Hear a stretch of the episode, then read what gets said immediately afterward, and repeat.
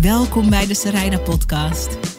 Dit is de podcast voor ondernemers die ready zijn om bedreven verhalenvertellers te worden.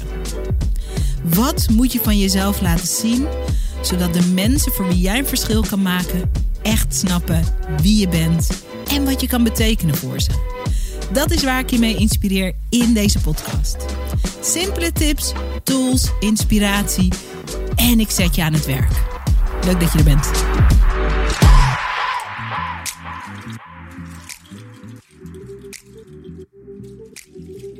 Met mijn podcastgast vandaag is het tegelijkertijd alsof ik 20 jaar terug ga in de tijd. En het is een kijkje in de toekomst. Hij is een van de grondleggers van wat vandaag de dag Nederlandse hip-hop is. Wij leerden elkaar kennen bij BNN, waar we 18 jaar geleden, 15 jaar, 16, nou, Ja, lang geleden lang collega's werden. Je bent, en dat mensen kennen je als artiest, mensen kennen je als presentator. Eh, mensen weten minder van wie je bent als ondernemer. Mhm. En daarom vind ik het leuk om je vandaag eh, hier uit te nodigen. Zodat we ook dat stuk van je kunnen leren kennen. En eh, wat ik tof vind aan jou, ik vroeg net aan jou van... wat is nou iets wat weinig mensen van jou weten, Rotjoch? Eh, je zegt, ik heb mijn middelbare school niet afgemaakt. Maar de manier waarop ik dingen leer... en de hoeveelheid dingen die ik snap en kan... daar zouden mensen echt verbaasd over staan... als ze daar meer van zouden snappen. Denk het wel, ja. Ja, wat heerlijk dat je er bent. Rotjoch, Angelo Diop, welkom in de Strijden podcast. Thank you. Meteen even terug naar eh, jaren geleden. Ik ben denk ik een jaar of 24. Ik heb bij MTV gewerkt. Ik kom werken bij BNN. En ik krijg daar samen met een aantal leuke andere presentatoren een serieus programma over de urban scene. Jeetje. Your BNN. Hey. En eh, in die tijd is mijn soort eh, droom of mijn verlangen of wat ik wil beleven. Ik, ik wil graag een, een, een programma neerzetten en dat moet serieus genomen worden. Dat vond ik toen heel belangrijk. En ehm, ik heb daar allemaal ideeën bij. We hebben onze eerste uitzending. En er is één vier minuten fragment in de uitzendingen. En die, toen, kon, toen gingen dingen nog niet viral, maar die shit gaat helemaal viral. En dat zijn jouw vier minuten. En die vier minuten heten de clubtest. Ja. Rotjoch en de clubtest. Voor mensen die eh, er niet bij waren. For a variety of reasons. Neem ons mee terug naar die tijd. BNN, programma over de muziek zien. En jij doet de clubtest. En mensen worden gek. En het maakt een soort superster van jou. Je was al, daarvoor deed je je ding al. Maar het maakt een soort gekke superster van jou. Wat was dat voor mensen die geen idee hadden wat dat, eh, waar we het over hebben? Nou, ehm, zeg maar, je, je zei net eh, viral. Eh, in een hele korte tijd, in een jaar, ging, was echt een soort van katalysator. Gewoon, er gebeurden allemaal dingen achter elkaar. Dus ik, ik heb 101 Boys bedacht, wat opeens door de roof ging. Ja. En toen kwam... eh, Een van de allereerste hippe programma's. In die. In ieder geval, de, ik wil niet zeggen de eerste hiphop-programma. Je had wel eerder hiphop-programma's op TMF en eh de Box en zo. Ja. Eh, maar die waren allemaal gefocust op wat in Amerika gebeurde. En ik wou iets wat gefocust was op hier. Wat gebeurt in de Nederland. Nederlandse scene? Ja. En mijn ding was gewoon puur op Nederland gericht. En eh, dus wat dat betreft wel de eerste in dat. Ja. Ehm, maar goed, terug naar die tijd. Ehm, toen kwam je op BNN inderdaad. Vroegen ze me van, hey, wil je clubtest gaan doen? Een soort van smaakpolitie van Nederlandse nachtclubs. En ik ben sowieso een beetje gek. Maar ik moet ook gewoon zeggen dat dit was een hele andere tijd. Mhm. Want als je nu naar die clubtest zou kijken, in deze tijd zou je heel veel dingen niet kunnen flikken die ik toen flikte. Ja. Zou je zwaar gecanceld worden of Ja. weet ik veel. ja, je zou maar ik werd juist gepusht vanuit BNN om gek te doen, Ja. eh, wild te doen, Ja. eh, met, met dames, Ja. et cetera, et cetera. Zuipen, op Eh, tafel veel drinken, springen. Ja, ja. Ehm, In, in, in billetjes knijpen. Nou, dat heb ik nooit gedaan. Nee? Nee? Ik, heb nooit in, ik heb nooit iemand ehm, um, ongewild uh, aangeraakt. Nee, maar dat was het dansen en zo, toch? En, Ja, en maar- gewoon... gewoon- gewoon ja. Maar wat er, ge- wat er gebeurt, zeg maar, ja, ik ging gewoon naar de clubs en dan eh, eigenlijk in, in één minuut zie je al wat voor. eh, in één minuut zie je eigenlijk al wat, wat voor eh, avond het gaat worden en hoe, hoe, hoe het item eruit gaat zien. Omdat zodra je binnenkomt in een club, zie je al snel van: oké, dit, is, dit is tof. En dit, dit is een gezellige avond. Of dit is, dit is gewoon een rotclub en wat, wat een rare sfeer. Ja. Ehm, nee, maar goed. eh, En het werd, het werd, als ik je bij mag vallen, het werd echt een fenomeen. Het is ook wel grappig dat je dat nu zo zegt. Ik realiseer me dat nu ook terwijl je dat zegt. Ik weet dat, dat je heel erg werd gepusht van het moet live zijn. Het moet eh, eh, ook, vanuit, ook vanuit BNN. Ehm, maar het werd zo snel zo populair. Het was inderdaad ook een andere tijd. Mensen hoopten dat je naar een club kwam. En als je in die clubs kwam, weet je dat nog? Mensen gooiden zichzelf op je. Weet je dat nog? Ja, maar dat, dat was gewoon. Kijk, dit is zeg maar een tijd dat zeg maar video op internet zich net begon te in- ontwikkelen. Ja.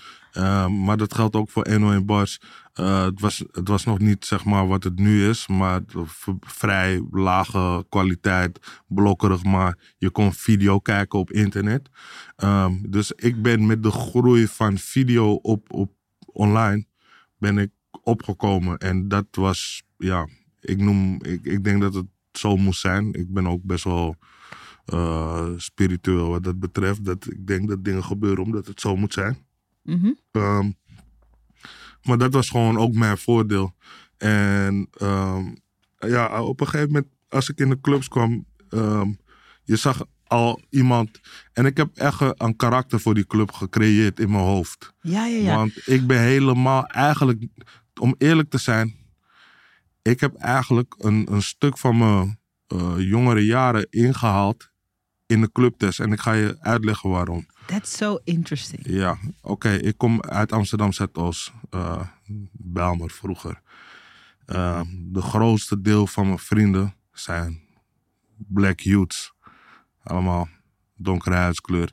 In die tijd gingen we bijna niet uit. Behalve dan in, in uh, buurthuisdingetjes en, en ja, shady barren in, in Zuidoost en zo. Maar in de stad gingen we bijna niet uit. Waarom niet? Omdat we kwamen nergens binnen. Ja. We, dat was echt uh, de geweigerd.nl tijd. Uh, Ja. Van als jij een kleurtje had, kwam je nergens Nee. binnen. Ja. En ik heb, Mag ik je bijvallen? Is dat oké? Dat is, want sommige mensen luisteren deze podcast en die, die, die- oh, ik kan het me niet voorstellen. Maar, Mhm. ehm, kijk, wij zijn, wij zijn ongeveer even oud. We're in our 40s now, like grown-ups. En vroeger, nu misschien ook nog, maar vroeger was het echt zo. En dat was echt in je face. Ik heb dat ook meegemaakt. Ik ben niet opgegroeid in Amsterdam. Maar ook ik, die in Horen opgroeide of all places. eh, als je in de stad uit wilde. En dan, wij zijn dan donkere of bruine vrouwen. Dus het is ook niet eens alleen mannen. Eh, dan, dan, en je ging, bij sommige tenten kon je naar binnen, bij sommige tenten niet. De tenten waar je niet naar binnen kon, daar zeiden ze dingen als: Sorry, het is ledenavond en je bent niet lid. Wat zeiden ze tegen jullie? bij ons was het gewoon, ja, Amsterdam, eh, Amsterdamse portiers zijn gewoon heel koud. Nee, jullie komen niet binnen. Ja. En dan vaak ook op een, eh, op een manier, die- weet je, dat je echt... eh, en toen was ik niet bekend, dus dan ga je gewoon in de rij staan. Vaak ook lang in de rij. Ja. Om vervolgens een soort van schande te pakken. Want diegene gaat keihard zeggen, Ja. en iedereen ziet het, Ja. gaat keihard zeggen van jullie komen niet binnen. Dus dan is iedereen een beetje lacherig eh, in die rij. En die schande heb ik zo vaak gepakt toen ik, toen ik ja, vanaf dat ik uit mocht gaan tussen mijn achttiende en eigenlijk dat ik die clubtest ging doen. Ik, ging, ik heb jaren gehad dat ik, eh, ik denk tussen mijn 22e en mijn 25e, dat ik eigenlijk niet durfde uit te gaan om Ja, ja. die schande te voorkomen. Dus terug op wat ik wou vertellen. Ja. Toen opeens kwam ik met camera's en een hele ploeg. En dat was interessant voor heel veel mensen. En heel veel mensen zagen het. En los van dat ik zeg maar een, een, een soort van periode van uitgaan of zo heb gemist, ging ik nu opeens uit met een soort van macht. Ja, ja, ja. waar mensen het interessant vonden om tegen mij te praten en naar mij toe te komen. Of het nou, uh, maar maakt niet uit. Je kreeg gewoon heel veel aandacht. En ook van vrouwen die normaliter, als ik zonder die camera's was, dan was ik, uh, weet je, ik vond het vrij moeilijk om toen in die tijd vond ik eigenlijk voordat ik de clubtest deed, vond ik het nog vrij moeilijk om te communiceren met vrouwen. Ja, ja. Vooral vrouwen die niet uit Amsterdam Zuidoost kwamen. Ja, ja. Omdat het is toch een andere wereld. En ik was, ik was vrij. Ja, ik denk dat veel mensen, uh, vooral in die tijd, ik denk dat veel mensen, mensen uit Amsterdam Zuidoost gewoon grof vonden. Mhm. Qua, ook qua spraak en zo. Dus het was moeilijk om te communiceren. Maar op, eh, opeens met de camera erbij kreeg ik allemaal aandacht. Dus dat is ook een deel. Los van dat ik een jonge guy was, zeg maar, die een baan in Hilversum opeens had. En werd gepusht door leidinggevenden om gek te doen. Ging ik er ook in mee. Ehm, met het hele gek doen. Maar ik heb een hele karakter Gecreëerd. gecreëerd, ja. Want ik, eigenlijk voordat ik uh, echt op tv was, uh, of op internet, hoe je het wil noemen, uh, sprak ik in mijn buurt sprak ik heel Belmer, Belmers. Uh, heel veel straattaal. Um, veel, ja, Amsterdam Zuidoost is sowieso een heel gemengd cultuur. Mm -hmm. en ik ben gewoon opgegroeid met heel veel mensen die niet zo goed Nederlands kunnen. Dus op een gegeven moment ga je je eigen taal creëren in de buurt. En ik ben ook zeg maar heel lang voor BNN. Ben ik heel lang een beetje buiten de maatschappij geweest. As in, ik was niet, ik was niet verzekerd. Ik, uh, ik had geen le uh, ja, legale baan. Ik had. Uh, ik, ik leefde echt in een soort bubbel. Mm. Waar geen mensen die normale werk hadden. Iedereen was zeg maar van de straat. Dus um, dan op een gegeven moment is dat jouw wereld. En mijn, mijn spraak was ook um, helemaal gevormd naar die wereld. Mm -hmm. Dus toen ik op tv kwam, dacht ik van oké, okay, ik moet anders gaan praten. Want als ik echt ga praten hoe ik dagelijks praat, gaat niemand begrijpen wat ik zeg. Dus toen ben ik, mm -hmm. als je terugkijkt naar die filmpjes, hoor je me met een heel plat Amsterdamse accent praten. En als dan is uh, Rotjoch, nu mijn clubtest. Uh, en dat dus, was gewoon eigenlijk een soort, dat was niet hoe je sprak. Dat maar was, dat was... Ik was wel vrij plat. Voor, helemaal voor iemand die uit Amsterdam Zuidoost komt, was ik vrij plat Amsterdams. Ja. Maar ik ging mijn woorden gewoon aanpassen. En ik ging gewoon een. Kijk, Rotjoch is sowieso een karakter. Ik ben Ja. Angelo Diop. Ja. Uh, Rotjoch is een karakter die ik heb gecreëerd gewoon voor de, voor de mens. Ja. Ehm, Dat, en dat, dat, dat stamt al van de tijd voordat je bij BNN werkte. Of, Ja. die, of Roger is geboren bij BNN. Hoe is dat gegaan? Nou, um, Rotjoch was eigenlijk een, een artiestennaam Mhm. slash producernaam die ik gebruikte. Voor je Die muziek? Veel jaren echt, uh, dan gaan we echt uh, zeker vijf, vijf, zes jaar terug voordat ik uh, bij BNN kwam. Maar de Rotjoch zoals mensen hem nu kennen, Mhm. die is wel op tv geboren. Interesting. Ehm, zelfs bij mijn sollicitatie eh, moesten we allemaal voorrondes doen en et cetera, et cetera. ja, want je en- bent, ik, als ik je bij mag vallen, je bent binnengekomen via BNN Academy. Toch? Ja, Heette dat het, zo? heette, het heette toen anders. Het was, het was nee, 101 TV, het digitale kanaal wat nu, nu niet meer bestaat van eh, BNN. 101 TV werd opgericht en eh, daar zochten ze zes mensen voor Oh destijds. ja. Oh, ja. En Uh, En er werden audities voor gedaan en je kon komen screenen en dat soort dingen. Ja, en ehm, ik heb dit wel vaker verteld hoor, maar het is, het is gewoon, eh, dit is mijn waarheid. Ehm, ehm, ik, wist, ik wist dat ik die baan vrij makkelijk kon krijgen toen ik daar kwam. En hoe wist je dat? Omdat ik wist, er worden zes mensen aangenomen en ze gaan sowieso iemand van kleur aannemen. En het deden maar vier mensen van kleur deden mee aan die sollicitaties. Dus ik hoefde alleen hun uit te schakelen. En zo keek je er ook naar. Zo keek ik ernaar. Maar daarom zeg ik, ik ben, ik ben slimmer dan mensen denken. Mhm. Dus ehm, de eerste keer dat ik was eigenlijk ook heel camera-schuw. Maar tijdens die sollicitaties moest je een introductie doen. Weet je? En dan kwam er opeens een camera voor me, voor mijn pan. En uit soort van angst en schrik zei ik: hey, rotje op je beeldscherm. En dat is de eerste keer dat ik het ooit zei. Oh ja. En het is gewoon gebleven, omdat ik had niet zoveel te zeggen eigenlijk. to be honest, ja, ik wist ja. niet wat ik moest zeggen. Ja, ja. ja, wat moet ik doen? Dus uit een soort opwelling zei ik: hey, rotje op je beeldscherm. En het is altijd Dat is het gebleven. ding. Ja. Dus dat is, dat is een beetje een, een voorverhaal van waar ik vandaan kom. En ook zeg maar die clubtest, dat, dat, eh, waarom het zo wild was. En eh, ik kwam echt uit een hele andere wereld. En ik was eigenlijk ver verwijderd.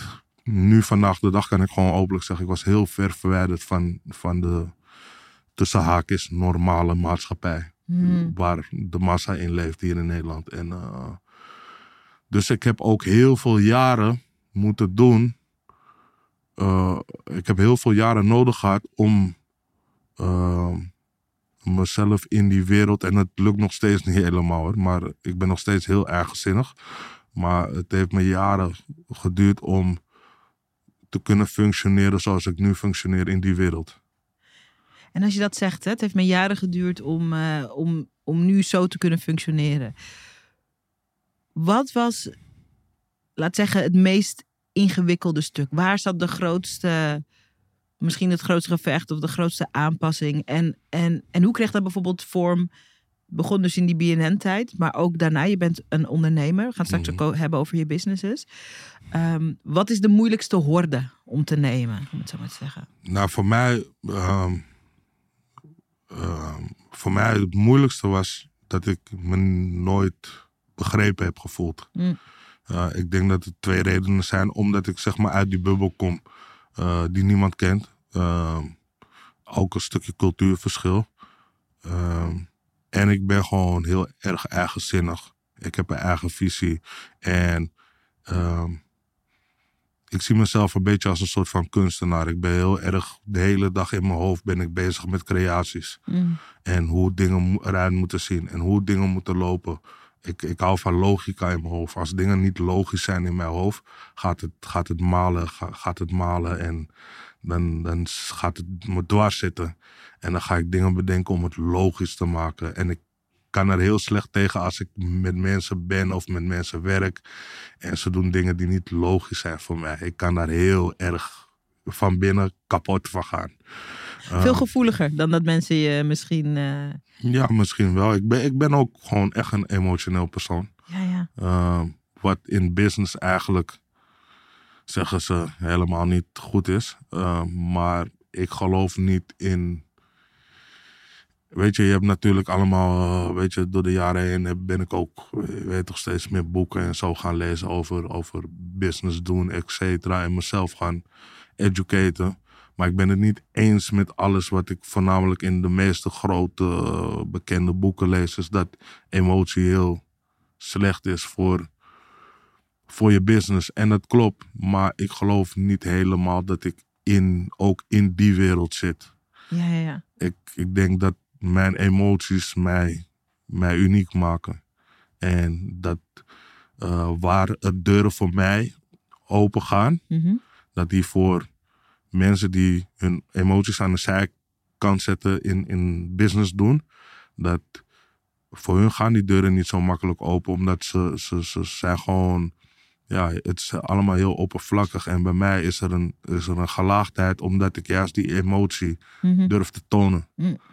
En mensen identificeren zich aan bepaalde emoties van mij. En die denken Geef van een ja, voorbeeld. Wat is een emotie waarvan je zegt: eh, in business laten we dat niet zien. Als je op Nou ja, tv bent, laten we dat misschien niet bijvoorbeeld zien. Wat ik, net- wat, wat ik net zei over, over hoe, hoe ik dacht toen ik, toen ik die sollicitatie deed.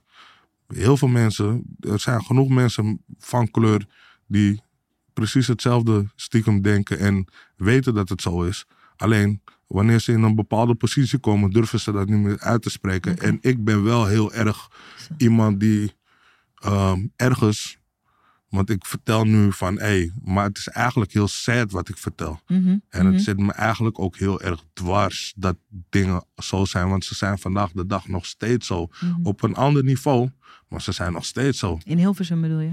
In Hilversum, maar Ook in de businesswereld? ook in de businesswereld. eh, ehm, ik moet wel zeggen, in Hilversum vind ik het wel een stukje moeilijker dan in de rest van de wereld. Want in de rest van de wereld word ik wel meer gewaardeerd dan in Hilversum, denk ik. Echt waar? Wacht, laten we er heel even... Dus je bent eigenlijk al meer dan 15 jaar, 17. een, 17 jaar, Ja. een succes. Mhm. En dat succes kan je op allerlei manieren kan je dat klassificeren. Hè? Dus eh, op nummersgebied ben je succes. Qua voorloperschap ben je succes. Eh, qua eh, memorabel. Hè? We- wij praten, wij waren daarbij. Mensen die dat gezien hebben. Als je zegt, mensen die in die tv keken. En je zegt de clubtest. Mensen die dat hebben gezien herinneren ze. Dus je zou dat kunnen benoemen. Het zijn allemaal Mhm. vormen van succes. Maar het zijn allemaal... ehm, dat zijn, nou ja, voorbeelden en vormen van succes. Maar je zegt, daar word ik nog steeds minder geaccepteerd dan bijvoorbeeld in het zakenleven. Wa- Waar, waar voel je dat aan? Of waar blijkt dat uit? Of hoe, hoe, hoe werkt dat dan? Neem ons mee in. Kijk, ik denk het is een stukje onwetendheid. Het eh, heeft ook met de, ehm, met de structuren van Hilversum te maken. Ehm, mensen ownen niks in Hilversum. Mensen, Makers bedoel je? iedereen in Niemand. Hilversum, niemand ownt iets. De mensen die omroepen runnen, die zijn niet per se de eigenaar van de omroep. De omroep is niet van hun. Mhm, Ook al ben je directeur, mhm. het is niet per se jouw omroep. Het is, het is- iedereen is zeg maar in dienst. En Van de ehm, overheid. van de overheid. Soort Als van, het over, zo- ja, over, over NPO gaat. Precies. Dus iedereen is in dienst. En iedereen probeert gewoon zijn eigen positie zo standvast mogelijk te behouden. En ehm, er wordt niet gedacht in van hé, we moeten dit. Eh, en dat is gewoon mens eigen. Iedereen gaat, iedereen gaat eerst zichzelf op dezelfde op, op de plek zetten. Maar op het moment dat, dat een bedrijf echt van jou is, dan is het een stukje van jou. En dan kan je, dan kan je makkelijker het bedrijf zeg maar op de eerste plek zetten. Nummer 1 dit is echt zo. Ja. Wat je nu zegt is zo. Ik zit echt goed naar je te luisteren. Ik heb er nooit zo naar gekeken. Dat, eh, kijk, ik heb mijn eigen bedrijf. Dat is inmiddels een miljoenenbedrijf. Je hebt ook een aantal bedrijven, gaan we zo over praten. Er zijn succesvolle bedrijven. Als je je eigen bedrijf hebt en Trouwens, ik ben runt. trots op je. Dank je. Ja, echt waar. Dank je. Maar dan is het zo dat een, een, je eigen bedrijf. ehm, je staat niet op nummer één, maar het welzijn van het bedrijf komt op nummer één. Als het je eigen bedrijf is. Soms wil je ook dat het bedrijf kan voorleven verder dan jou. Soms maak je keuzes die bijvoorbeeld tegen je karakter ingaan. Of tegen, nou, dit vind ik leuk. Of dit, of, om je een voorbeeld te noemen. Ehm, van alle dingen die ik doe in mijn bedrijf, vind ik management het minst leuk.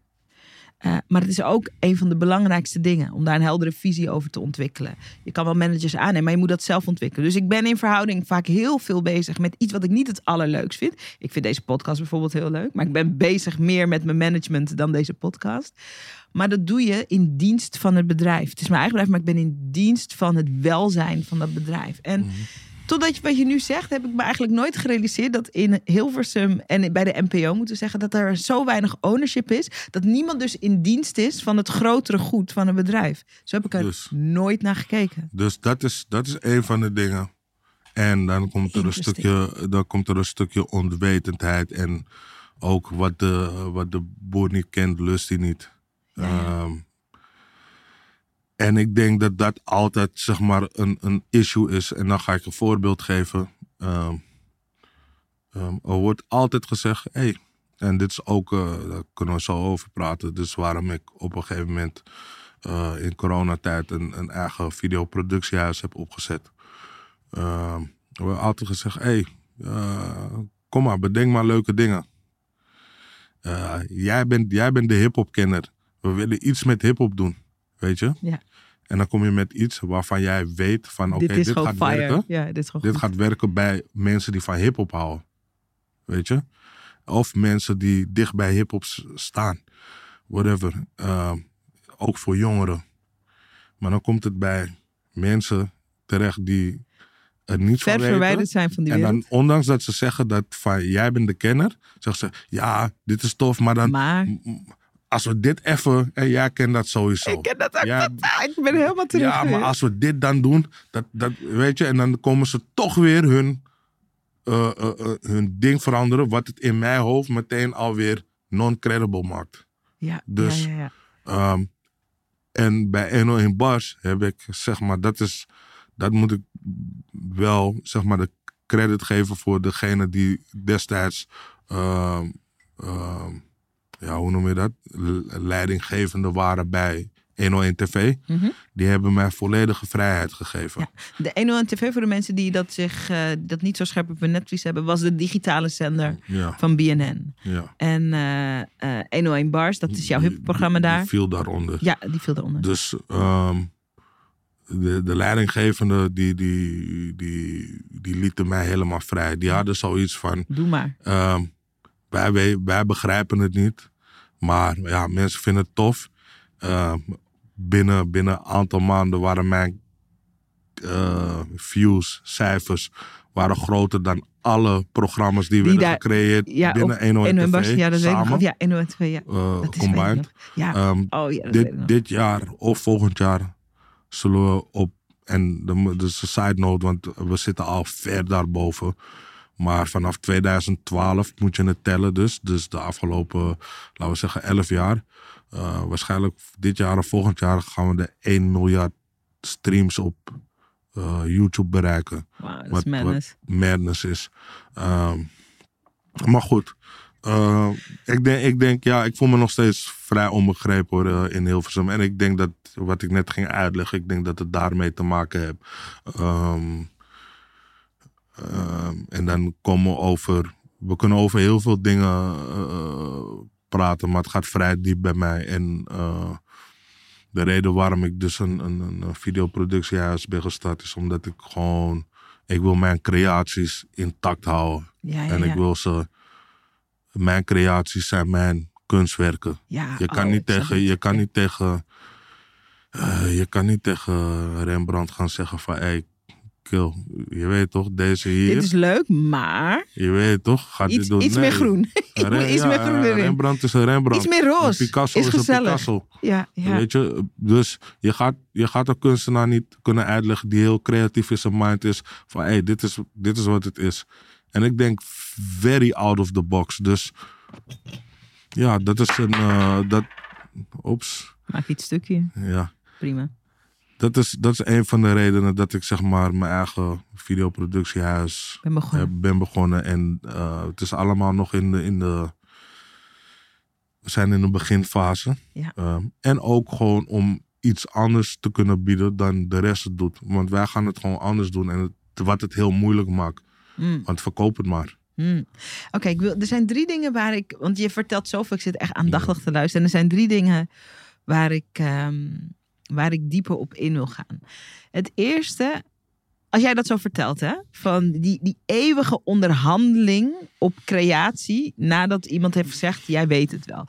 Voor mij, ik ben tien jaar geleden eh, gestopt bij de tv, bijna elf.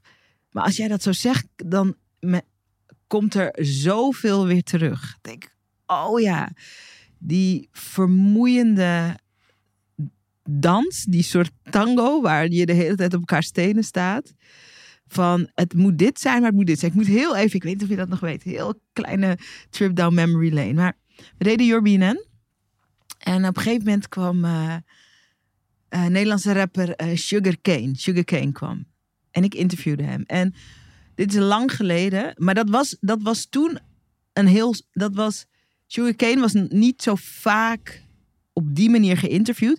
En hij was heel open tijdens het interview. Voor mensen die geen idee hebben. Dat was eh, jaren geleden. Dat, ehm, dat was een vrij controversiële persoonlijkheid. Laat ik het zo netjes zeggen. En, en mensen vonden dat spannend. En weet ik veel wat.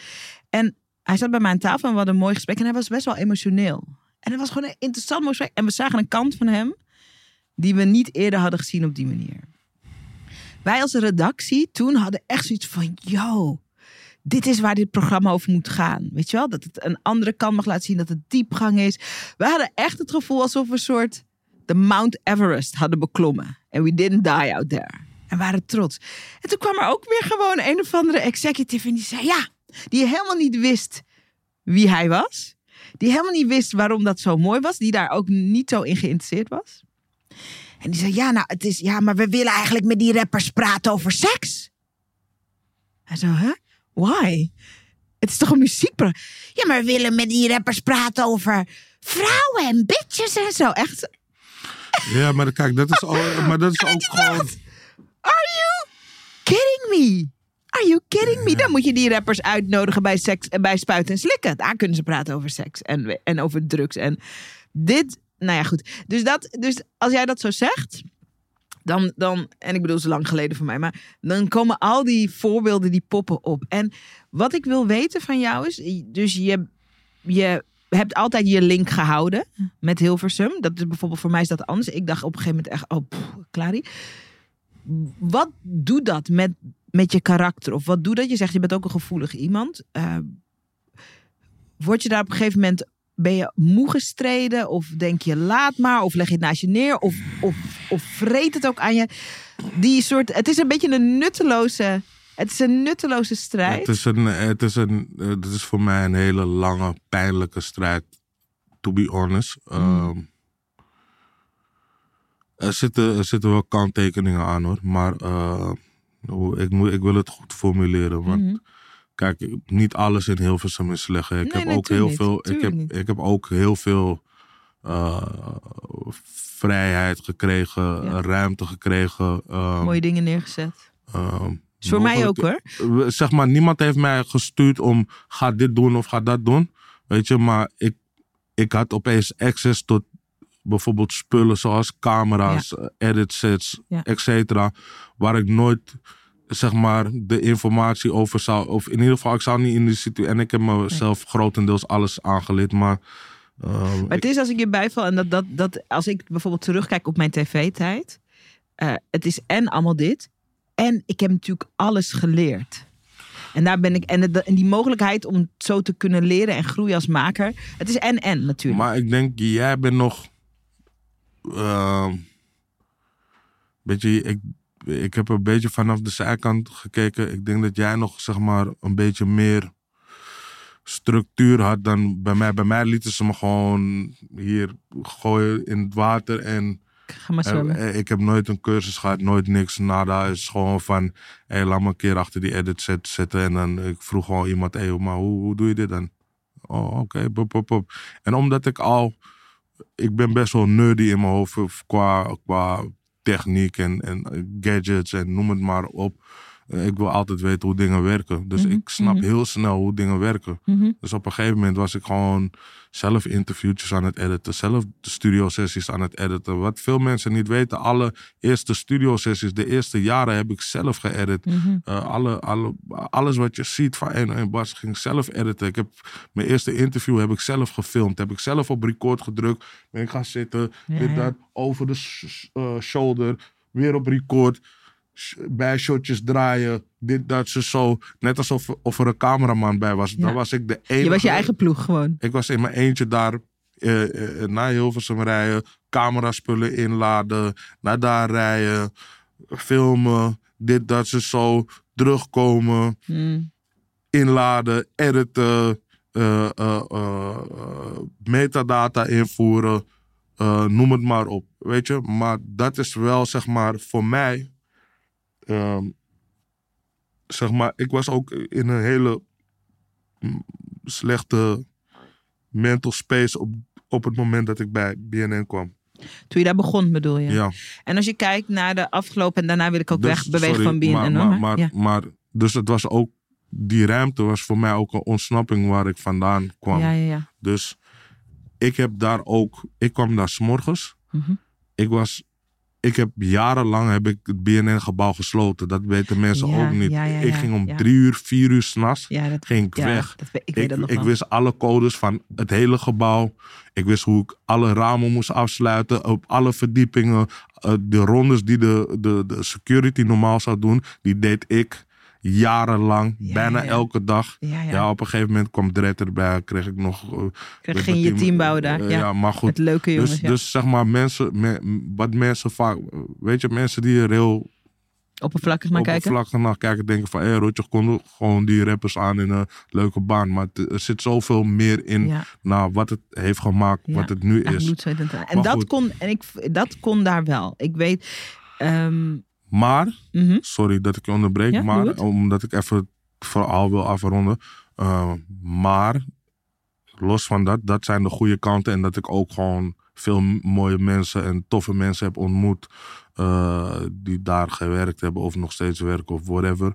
Ehm, dat zijn de mooie kanten. Maar de lelijke kanten zijn dat. eh, en, en dat is. Kijk, 101 Bars is mijn baby. Mhm. Maar ik own de rechten niet. Mhm. Ik, ben, ik heb in loondienst heb ik, heb ik dit, dit gecreëerd. Maar het Mhm. blijft voor altijd mijn baby. Niemand kan 101 bars van mij afnemen of wat dan ook. Het blijft mijn... Je weet toch, ik heb, ik heb het verwekt. Ik maak het ook dood als het moet. Dus ehm, dit is mijn grootste struggle. Ik zou ooit... eh, liever gisteren dan... maar ik zou ooit wel of een deel van de rechten of de rechten volledig willen hebben van 101 Bars. Omdat het gewoon echt mijn baby is. Ja. Heb je daar wel eens over onderhandeld? Ja, al zeven jaar. Daar onderhandel je al zeven jaar Ja. over. Maar hey, Dave Chappelle heeft er 17 jaar over gedaan om zijn rechten terug Ja, te krijgen. voor de spelshow toch? Dus ja, ik Ja. heb nog 10 jaar te gaan. Je voorbeeld is. eh, en voor mensen, kijk, ik ben een ondernemer en ook een maker, dus ik begrijp je. Maar er luisteren ook mensen naar deze podcast die ook ondernemend zijn en ook maken, maar misschien. Waarom is dat voor jou zo belangrijk? Omdat ik het heb gecreëerd. Mhm. Niemand heeft mij gezegd, ga dat maken of ga, ga dit doen of zo. Ik heb het zelf bedacht. Ik kwam bij 101 TV te werken. Ik moest allemaal items maken die, die ik kut vond om te maken. Ik deed niet echt, ik paste niet in de groep. En ik zag al die spullen. En precies zo een dag zei ik van, hé, hey, ik wil na het werk wil ik gewoon access hebben tot bepaalde spullen. En ze gaven me een sleutel van opslag. Ik heb allemaal oude attributen bij elkaar gepakt en, en, en getild met mensen die me wilden helpen. En ik heb een pilot gemaakt. En daar is 101 Bas uit ontstaan. En er is nooit iemand... Ik heb elke verandering in 101, binnen 101 Bas heb ik zelf bedacht. Tot de dag van vandaag. Dus als er iets... En natuurlijk heb ik nu een groter team. En heb ik meerdere mensen die meedenken, et cetera, et cetera. En het loopt allemaal wel gewoon nu, zeg maar. eh, ik ben er steeds minder mee bezig dan... Mhm. Als je kijkt dan vergeleken met vroeger. Ja, zit in een andere ben- fase ja, van het, dus van het ik- ondernemerschap ik, ik, ervan. ik, ik ben veel meer aan het delegeren vandaag de dag dan Mhm. eh, echt ermee bezig zo, eh, van day to day, net als vroeger. Maar ehm, het is gewoon mijn, mijn kind. Het is Mhm. mijn kind. Mhm. Zeg maar, stel je voor, je, je, je bent moeder. Ja, Ik ben moeder, ja. ja maar je, je, je dochter ehm, is jouw dochter, maar je hebt de voogdij niet. Oh, zo voelt het. Oh, Ja. Een mooie vergelijking, ja. Zo, zo, zo voelt Ja. het. Ah, Stel je voor, jou, er zijn gewoon andere ouders die bepalen alles, zeg maar, van waar jouw kind naar school moet. waar Dit, dat is zomaar, het is jouw kind. Ja, ja. Oh, ja. Dus zo voel ik me over 101 bars. Mm. En daarom wil ik, wil ik die rechten ownen. Mm. Ook al is het over vijf jaar niks meer waard. En is, is bijvoorbeeld eh hip-hop helemaal niet meer eh, interessant. Dan alsnog is dat voor mij een Mm. persoonlijke victory als ik die rechten heb. Interesting. Oké, sprong vooruit in de tijd. Want in die tv-tijd heb je je ontwikkeld als maker, maar ook als, eh, als denker, als creator.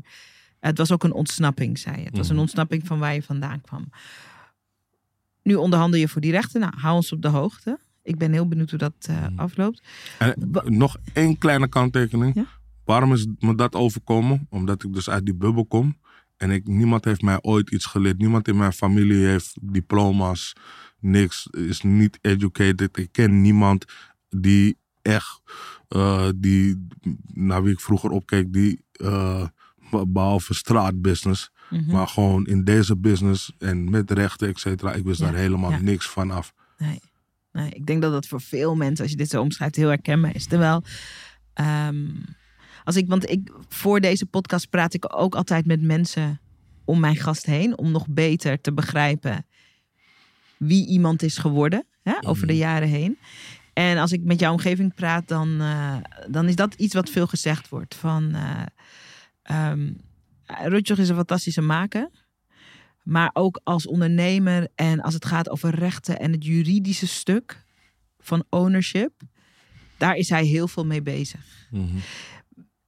Dat en hij leest heel veel. Uh, ik vroeg wat, wat zijn dan boeken die hij leest voor zijn persoonlijke ontwikkeling? Dat werd gezegd, hij leest veel. En een van je favoriete boeken is het boek The Art of War van Sun Tzu. Ja. In het Nederlands Winnen zonder strijd. Is, is het per se mijn favoriete boek? Nee, het is een boek die, waar, waarin. En ik lees, ik moet wel zeggen, ik lees boeken nooit helemaal achter elkaar uit, eh, uit of zo. Ik lees altijd stukken ah, op het moment dat ik me depressief voel. Mhm. En alles eh, voel alsof alles tegen zit, ga ik stukjes lezen. Mm. Gewoon random. Om, om weer gewoon even. Om je mind te liften. Ja, Gebeurt dat vaak? Dat je, dat, dat je voelt, dat je je down voelt en dat je denkt van, eh, elke week wel een paar keer. echt waar? Ja, elke week. Ehm, En wat lees je dan bijvoorbeeld in zo'n boek? Dus de, dus de Art of War, voor mensen die niet weten, is een boek uit, is van een, een krijgsheer, ik hou gewoon van dat woord, uit de 16e eeuw. Mhm. 16e eeuw, 17e eeuw. Eh, en het, het, is, het, is, het zijn oorlogsstrategieën, maar oorlogstactieken. Maar eigenlijk, als je het goed leest, ik heb ook gelezen, zijn het, is het gewoon levenswijsheid. Hoe om te gaan met moeilijke situaties. Maar ook met Ehm, concurrentie. ja, met, ja. Met, met, met, En heel veel business, heel veel ondernemers lezen het, ook om Mm. die reden. Maar wat is bijvoorbeeld iets wat jij in dat boek leest? Dus je voelt je down. Waar gaan die down gevoelens over? Als je dat, als dat een thema zou hebben, of als dat een rode draad is? Mm. Nou ja, het, het, het kan. het- dan, Sun Tzu vind ik niet per se eh, de, de beste voorbeeld. Maar Mhm. ehm, als ik een ander boek mag benoemen, ehm, die ik heel vaak eh, het, eigenlijk het meeste bijpak als ik, als ik down voel, is eh, How to Think and Grow Rich. Ja, ja, ja van Napoleon Eh, Hill. ja. Ja. Maar ik hou gewoon, zeg maar, van die Dale Carnegie strategieën en dat soort dingen. Dat Mhm. is echt waar ik, waar ik eh, qua business heel veel uithaal. Ja, ja. Het zijn Ehm, oude boeken Het allemaal. zijn oude boeken, Think maar and die- Rich en Dale Carnegie is de dit- jaren dit, 30. zijn, dit zijn de tijden dat heel veel dingen ook qua Ja. eh, rechten, et cetera, zijn bedacht. Mm, En, en Interesting. Dus, en die nog steeds van tot de dag van vandaag. eh, dus je moet naar de koor gaan. En daarom ik vind het leuk om naar de basis te gaan. Hoe is dat ontstaan? Waar zijn, waarom hebben mensen dit eh, bedacht? Waarom hebben ze deze wetboeken opgesteld? Waarom hebben ze deze regels? Waarom dit dat? Want alles draait om controle, macht hebben. ehm, eh, alles, alles draait om. We moeten alles kunnen containen. Mm. We willen, we, willen, we willen de massa kunnen sturen. We willen dit, dat, zo, zo. Dus ik vind die boeken heel interessant. En eh How to Think Grow Rich, wat ik daaruit haal, is het geeft jou gewoon, het geeft de hele tijd voorbeelden en eh, gewoon leuke stukjes in waar je gewoon voorbeelden hebt van mensen die ook gewoon down waren en opeens het zagen. Mm. En dan lees je zo'n verhaaltje of een stukje over iemand. En dan, ik ben heel slecht in, in naam onthouden, maar er zitten een paar leuke stukjes in. Maar, en dan zie je gewoon dat iemand ook, zeg maar, eigenlijk iedereen in business of iedereen die iets van zijn leven probeert te maken, die is wel eens down. Mhm. En die ziet er niet meer zitten. Mhm.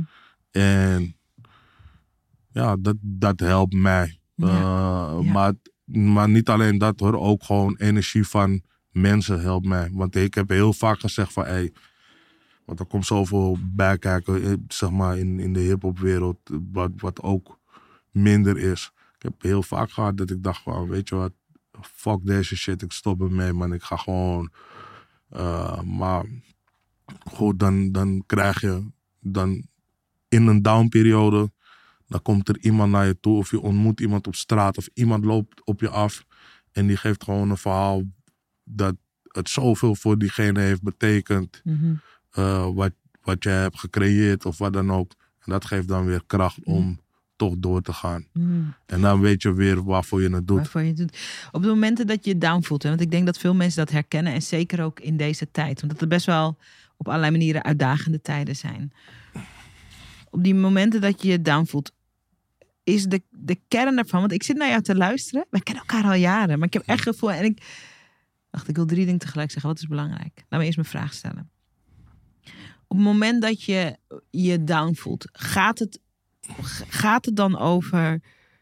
eh, je bent aan het pionieren en, er is onbegrip. Gaat over eh, je bent succesvol en dus jaloezie. Gaat het over eh, een gebrek aan gelijkgestemdheid in de manier waarop je kijkt en denkt. Waar, dus hè, je vindt dan oplossing en antwoord en ook gevoel in bijvoorbeeld die boeken. Maar wat, wat creëert dat gevoel van down? Als je daar, als je daar. Is dat één soort gedachte of één soort gevoel wat dat down een gevoel geeft? Ik denk dat mensen daar veel herkenning in kunnen vinden. Mm, nee, het is. eh, Het is eh, verschillende dingen. Het zijn heel veel dingen. Het is, het is onbegrip vanuit een wereld waar je mee moet samenwerken. Ja, dat, ja. Dat, dat is, eh, maar ook gewoon eh, heel veel onrecht. Ik vind dat dingen niet correct zijn. Ik vind dat er. eh, en, en weet je, ik, ik, eh, ik wil niet bij alles, eh, weet je, de, de, de racecard trekken. Maar het is wel, het is minder makkelijk voor een black man om bepaalde, in bepaalde werelden te vertoeven. Hmm. En ehm, dus ik hou niet van onrecht. Ik zie, ik zie onrecht dagelijks gebeuren in die wereld waar ik zit. Ehm, Zowel ondernemerswereld als, eh, als tv-wereld. ja.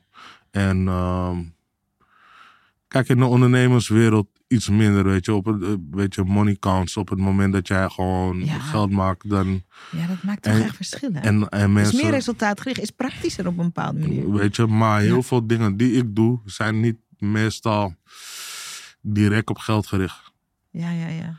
Heel veel dingen die ik doe zijn vanuit mijn hart. Dus dan moet je ook nog mensen aan boord krijgen om... Op de eh, visie echt. Om op de visie en zeggen van... hé, hey, want heel veel mensen denken niet aan lange termijn. Mm. Maar ik kan je wel zeggen dat... Zeg maar, eh, wie doet... Wie doet eh, ik doe, is, eh, Eno in Bas bestaat 17 jaar. Ja, wie heeft die track record? We hebben nog steeds, we hebben nog steeds, en niet 17 jaar. Ja. Natuurlijk, ja, pieken en dalen. Ehm, maar Ja, maar het is wel... dat 17, is- 17 jaar, we genereren cijfers. ja, Grof. twee jaar geleden, toch? Voor het 15-jarig bestaan. Mhm, In Carré, groots uitgepakt. mhm, Eh Eno en Bars eh, samen met het Metropoolorkest. mhm. Ik weet dat ik dat voorbij zag komen. Ik was er niet bij. Ik weet dat ik er voorbij zag komen. En ik dacht, ja, dit, is, dit, dit speelt zich af. Dit is van een heel ander level. Weet je nog een moment dat je daar stond? Misschien op het podium. Ik heb wel beelden teruggezien.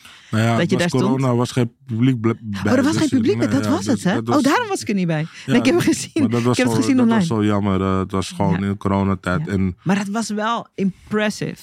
Maar dat is ook weer een ding, zeg maar. eh, weet je, en dan kom ik met. Weet je wat de boer niet kent, lust hij niet. Er was dus, eh weet ik veel, in coronatijd is er dus een cultuurpotje ergens gekomen voor, ja, eh, eh, creators, makers, om iets met cultuur te doen. Mhm. Nou, er zijn allemaal ideeën gekomen, alles afgeketst. Totdat ik zeg, weet je wat, we doen hip-hop met het Metropoolorkest. Oh, het Metropool. En hey, niet, niet om iets af te nemen van het Metropoolorkest, fantastisch. Ook alleen maar topmensen, echt top met ze gewerkt. En ik hoop nog heel vaak met ze te werken. Maar ik heb het meer over de andere wereld. Oh, dan is het opeens, ja, het Metropoolorkest. Terwijl als ik met een idee was gekomen, die misschien net zo groot was, maar het was alleen black people. Maar stel, ik zou met, ik zou, zou nu iets doen met, eh, pff, noem maar, ik, ik, ben, ik, stel, ik zou iets met de, de, de band van, van, van eh, de late and great James Brown doen. Mhm. Ik denk, niet dat, ik denk niet dat het idee door was gekomen. Ja, ja. Terwijl, ook greatness. Maar omdat het iets is wat ze kennen, Ja, ja, ja. Is het opeens van, ja man, dat is fantastisch. En ik ben blij, want dit was een keer een idee die ik, waar ik ook gewoon 100% achter kon staan waar de boer ook gewoon, zeg maar, eh, weet je, dit was een stukje kaas die iedereen lust. dus dus dat, was, dat was het mooie van dit project. En nogmaals, het mijn Metropoolorkest echt fantastisch, professioneel Ja, eh, fantastisch. Mooi. team hebben ze. Maar ook gewoon hele aardige, mooie mensen allemaal. En eh, een heel mooi project. En die samensmelting. En ik vind ook gewoon, weet je, mensen zeggen altijd eh, Engels is de meest universele taal. Maar dat is niet zo. Muziek is de meest universele taal in de wereld. Mm, Niet iedereen in de wereld verstaat Engels, maar iedereen in de wereld verstaat muziek. mm. Dus dat is gewoon, muziek is de beste vorm van verbindenis, vind ik. Mooi, prachtig. Dus eh, ja, mooi project. Mooi. Je ondernemerschap. Mhm. Als je kijkt naar. Ik zie dingen voorbij komen Mhm. op social media. Je hebt altijd die muziektak, dat is voor jou heel belangrijk. Mhm. Maar ik weet dat je ook achter de schermen veel meer bezig bent. En ook een beetje voor de schermen. Om te verbreden als ondernemer. En voordat we in die verschillende projecten duiken en eh, wat die verhalen zijn. eh, eigenlijk de vraag van. eh, naar welke visie werk je toe? Wat is je droom eh, vanuit je ondernemerschap? Wat wil je neerzetten? Of wat ben je aan het neerzetten? Wat ik, eigenlijk alle, alle bedrijven die ik opzet, sluiten op elkaar aan. Mm. Ehm, alle bedrijven die ik ook opzet, die komen voort uit ehm, frustratie meestal. In Mm. plaats van ehm, Mm. dat ik denk van, oh, dit is, dit is tof om te doen. Ja, of dit gaat goed geld verdienen of whatever. Het komt- Zoals ik net aangaf, ehm, bijvoorbeeld onze BV Nipsey, dat is een videoproductiehuis.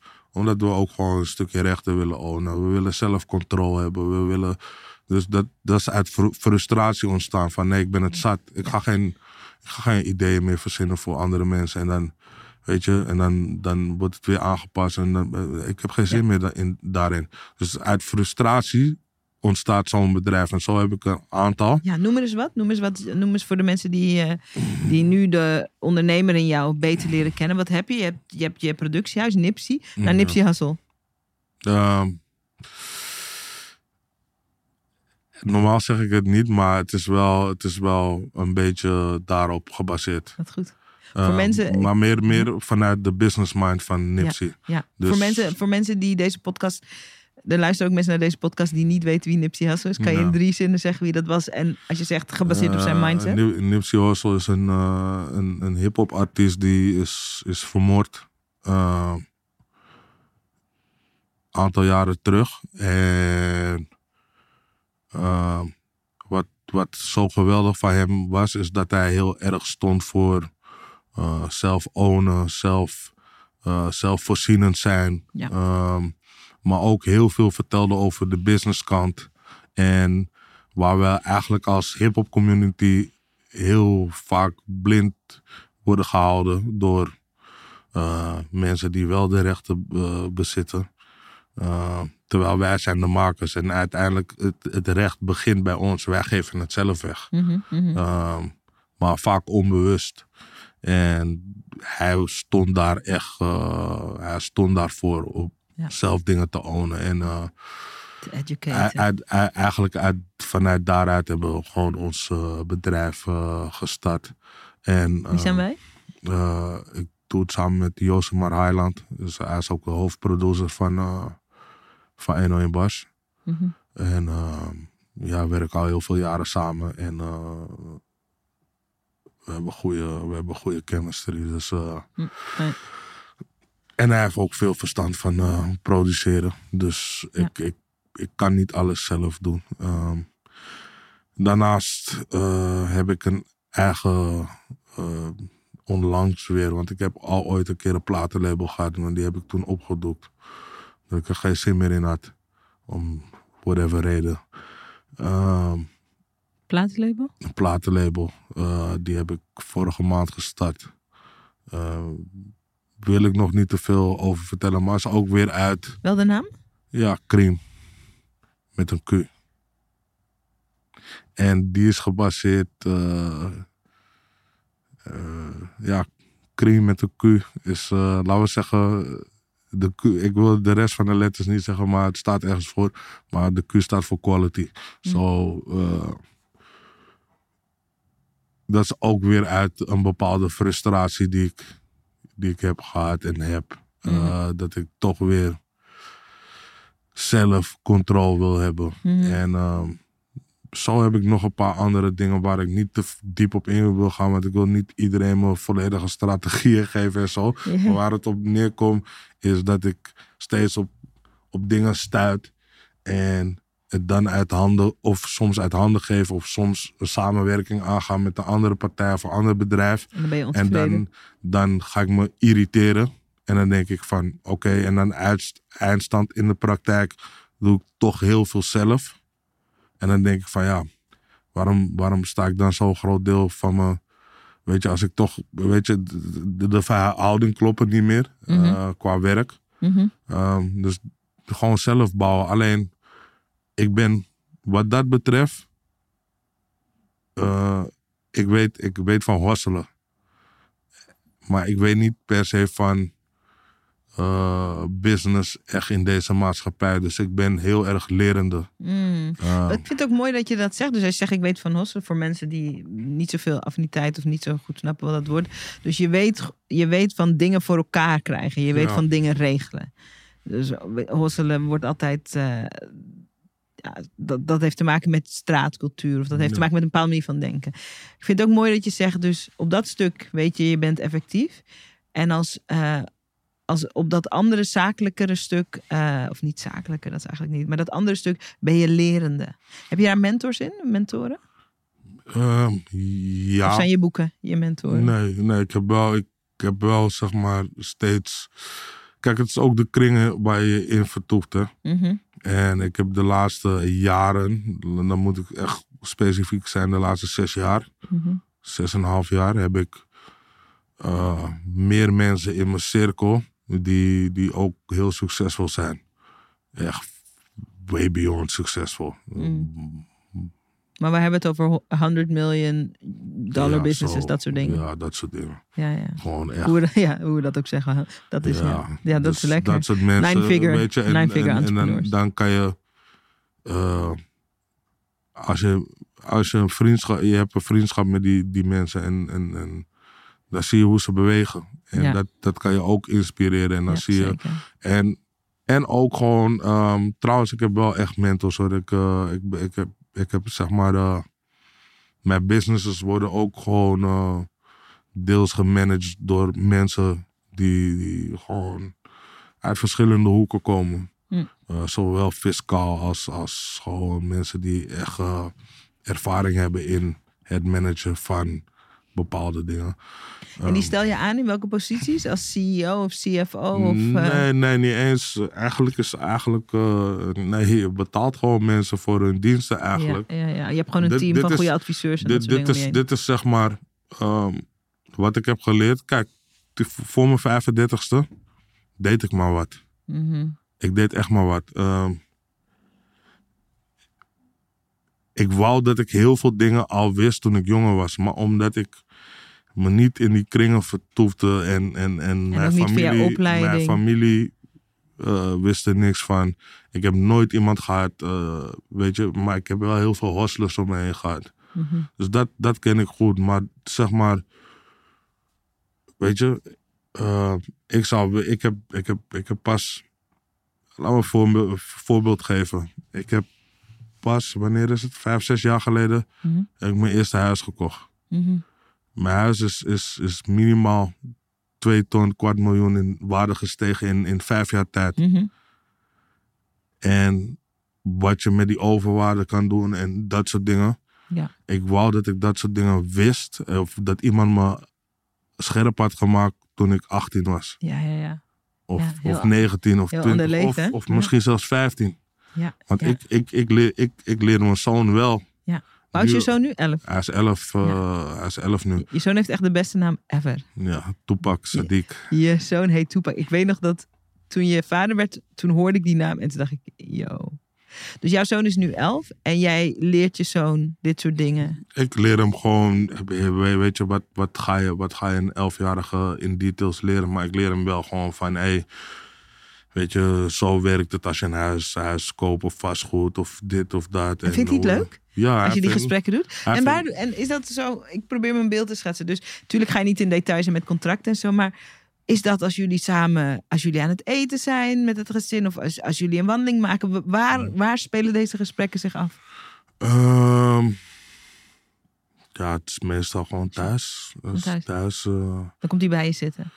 Ja, ik weet niet. Soms, soms heb ik gewoon de urge om, hem- om hem dingen te vertellen. Of hij vraagt iets en dan, dan moet ik hem uitleggen hoe, het- Ja, ja. hoe ik denk dat het is. ja wat leuk. En eh, omdat ik dan wel eh, bepaalde dingen heb meegemaakt en heb gezien en nu ook eh, aan het leren ben, kan ik hem daarin meenemen. Hmm. Dus wat jij nu leert over business, over hoe ownership werkt. Want dat is, als ik zo luister naar je, dat is een heel groot thema in je leven. Eh, dat je, ja, en ownership kan je op allerlei manieren zien, maar dat je, dat je jezelf bezit. Dat je het recht op jezelf bezit, het recht op wat je creëert bezit. is een mega groot thema. Je zegt, ik had veel van wat ik nu leer willen weten toen ik 15 was of 18. Je zoon is nu 11 en nu breng je hem in die manier van denken en in die manier van kijken. Als je ook met je zoon in het achterhoofd kijkt naar die business en wat je aan het bouwen bent. Zijn al je bedrijven trouwens in de muziek, in de sfeer van de muziek? Of, of zit je ook daarbuiten? Ik doe ook iets daarbuiten, maar daar wil ik niet te veel over vertellen. Maar ehm, ik doe wel één of twee dingen daarbuiten. ehm, maar die je ook weer hand in hand met muziek kan combineren. Dus Dus het het, blijft. verster- het versterkt elkaar. Het is, allemaal, het is allemaal of tv-muziek, het is allemaal entertainment. Ja. ehm, of je kan er iets mee doen in de entertainment. Dus, Oh ja. ehm, dus ja, het, eh, uiteindelijk hoop ik dat het ooit een, een imperium wordt. eh, waarvan ik kan zeggen van oké, maar waarom, waarom doe ik dit? Omdat als je kijkt naar de geschiedenis. ehm, kijk, de geschiedenis van mijn familie. Wie de, we hebben niet eens. ehm, er is een keer een collega geweest eh, die, die, die heeft laten zien van... Hé, kijk hier, ik heb een stam, stamboek. Wij hebben die shit niet. Wij hebben die stamboek niet. En niemand, niemand... Weet je, diegene kon gewoon vertellen van... Ja, daar is dit gebeurd, dit is zo, zo, zo. Mhm. De persoonlijke geschiedenis van een familie bedoel je toch? Ja. Ja. En, en ehm, bij mij is het dan nog wat ingewikkeld, maar heel veel black people hebben dat niet, omdat gewoon door slavernij die hele stamboek is, is, is in, op, op, Ja, in open haard gegooid. En, en, en, en eh, zeg maar, er- niemand oont wat, niemand is niks nada. Je hebt gewoon families die gewoon al duizend jaar Terug in de tijd vermogend zijn, Ja, ja, ja, weet je? ja, ja. Of langer, weet ik veel. Ja. Dus ik ben de eerste gene. Ik zie mij, want mijn ouders hebben het niet. Mhm. Dus ik moet de eerste zijn, zometeen, als het gaat om, om iets opbouwen in die stamboom. Die zegt van ja, daar is het begonnen. Ja, ja, ja. Over, over, over 500 jaar. Van, daar is het begonnen bij, bij Angelo Diop is het begonnen. Want hij, hij heeft iets nagelaten aan zijn nageslag Mhm. waar hun verder mee konden. Mm. Weet je? En, en dat vind ik het mooie van. Kijk, wij hebben, wij hebben gewoon. ehm, eh, kijk, mijn, va mijn, va mijn vader is. Mijn vader is. ehm Senegalees.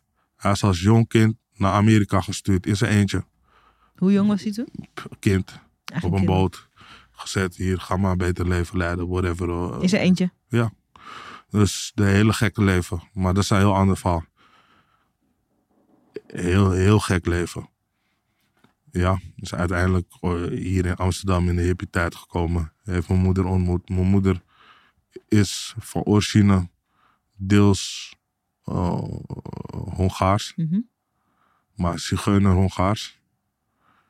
Eh, en deels ja, Nederlands Oostenrijks of zo, weet ik veel. Ook weer een mix. Maar vooral Hongaars Zigeuner. Zigeuners, they don't got shit. Ze reizen rond, don't got shit. Dus ze hebben gewoon een Zigeuner ding. Zij heeft ook niks. Zij, niemand heeft haar iets nagelaten. Bij mijn vader hetzelfde, hetzelfde niet. Mhm. Mijn ouders hebben ook niks opgebouwd. Want mijn vader was wel een hustler. Dus dat heb ik wel gezien. Hoe hij hustelde. Mhm. Hoe hij survivede.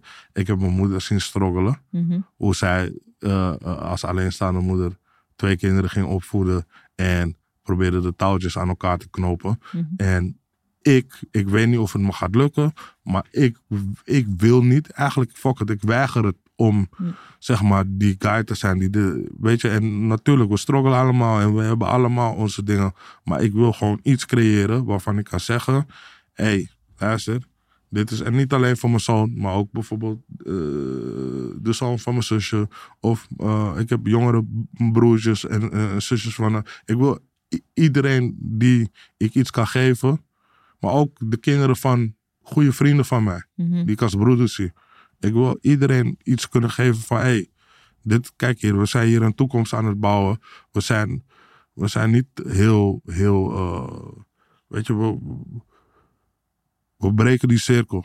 Gewoon. Mm, En mhm. dat, is, dat is mijn doel gewoon in, in life geworden. Gewoon om die cirkel te verbreken. Om niet ehm, ehm, straks, we gaan allemaal een keer dood. Mhm. Om wanneer je doodgaat, en, of in ieder geval wanneer je deze aarde verlaat in deze gedaante, dan, je weet toch, heb je iets neergezet wat, wat, wat het volgende, volgende generaties iets mee kunnen.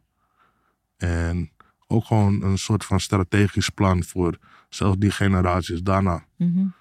Ja, generational wealth. Generational wealth. Prachtig. Mhm. Laatste vraag, want je zegt het nu even tussen neus en lippen door. Je zei eerder al, ik ben iemand die ook een spiritueel persoon is. Je zegt net, eh, wanneer ik deze aarde in deze, in, in, in, in, de, in, dit, in deze gedaante, in dit lichaam verlaat. Met alles wat je net zegt, met wat je op wil bouwen, met wat je wil betekenen voor je familie, maar ook voor de toekomst van je familie. Wat is het nummer één spirituele besef of spirituele denkwijze die maakt dat je deze persoon kan zijn? Waar geloof je in? Kijk, dit, dit heb ik eigenlijk nooit eh, zeg maar in openbaar verteld. Maar ik heb dus visioenen dat ik al hier eerder ben geweest op, op, op deze aarde. Mm. En niet eens heel lang voordat ik in deze gedaante ben geboren. Maar ik heb echt beelden gewoon en ik, het zijn gewoon flashes. Heel raar. En, ik- en als het zo is, als het klopt wat ik zeg, dan ben ik ook heel gefrustreerd en boos ben ik dood gegaan. Mm. In een vorig leven. Heel Mhm. boos en gefrustreerd. Er zit iets dwars bij mij. Mm. En het zit er al mijn hele leven. Het zit me heel erg dwars en ik weet niet wat het is. En ik kan het ook niet loslaten. Maar eh, ik heb een drang gewoon om, om, om het te veranderen. En ik weet niet wat het is, maar ik heb een drang echt om het te veranderen. En ik wil het ook veranderen. En dus voor mij is dat die journey in life. En, en ik geloof in higher spirits. Ehm, ik ben niet per se religieus. Ehm, Ook niet religieus opgevoed? niet echt. Mhm. Ehm, nee, eigenlijk niet. Ik ben heel erg vrijgelaten daarin. Mhm. Wat mensen God noemen. I- I- G-O-D zijn drie letters. Ik vind God is te groot om te beschrij- beschreven te worden met drie mensbedachte letters. Mm. Het is een, het is een, weet je, ik hou ervan om te zeggen natuur, weet je. Het is alles om ons heen, weet je. Het is, het, ik, voel, ik voel dat het er is, weet je. Dus, ehm, en er zijn nog meer redenen, maar die zou ik niet hier willen benoemen per se. Waarom ik niet per se religieus eh, ben. Ehm, Maar waar je in gelooft is? Je bent hier eerder geweest? Ja, dus eh, het klinkt misschien heel raar voor mensen. Maar Not to me. Maar voor sommige mensen Ja. maar ehm, ik heb echt het gevoel eh, dat, er, dat er meer is. En ehm, weet je, uiteindelijk zijn we ook gewoon, eh, maar ik ben ook very humble. Hè. We zijn uiteindelijk gewoon ook gewoon organismes. Dus net als een plant, een whatever, eh, een graspriet, noem het maar op. We zijn gewoon organismes. We, we- we- we worden geboren op deze aarde en we, sterven af in de gedaante waar we in zijn. En waar we daarna naartoe gaan, ik weet het niet. Mhm, Kan je ook niet vertellen. Ik heb alleen een innerlijk gevoel. Eh, Maar je wil het beter achterlaten. ik wil het anders achterlaten dan. Ik denk dat ik het vorige keer heb verlaten. Ja, I love that. Ja, Kom nog een keer terug als je wil, over een tijd. gaan we doen. Dan praten we hierover verder. Mhm, Ik vond dit echt zo'n fantastisch gesprek. We kennen elkaar al jaren. mhm. Ehm, we zijn elkaar eh goed gezind. Eh, maar ik heb het gevoel alsof ik eh, een, heel nieuw, een, hele nieuwe, een heel nieuw stuk van je wereld mocht zien en Maar ik ben ook aanhoren. echt, echt gegroeid als persoon in wat ik weet nu. Ja, mooi. I love it. Dus Dank je dat je hier was. Super waardevol. voor eh, inviting me. Kom snel terug een keer. Ja, is goed, gaan we doen. Als je dit hebt gekeken of geluisterd en je denkt, ik heb hier zoveel uitgehaald, ik heb zoveel inzichten gehad. Deel er minimaal één. Doe dat op Instagram. Tag ons, Rotjoch en Sarayda Groenhart. Laat ons weten wat je eruit hebt gehaald. Stuur ons een DM. Want eh, die feedback is voor ons ook weer heel belangrijk. Kunnen we ook weer van leren. Dank voor het kijken, dank voor het luisteren. En tot een volgende aflevering.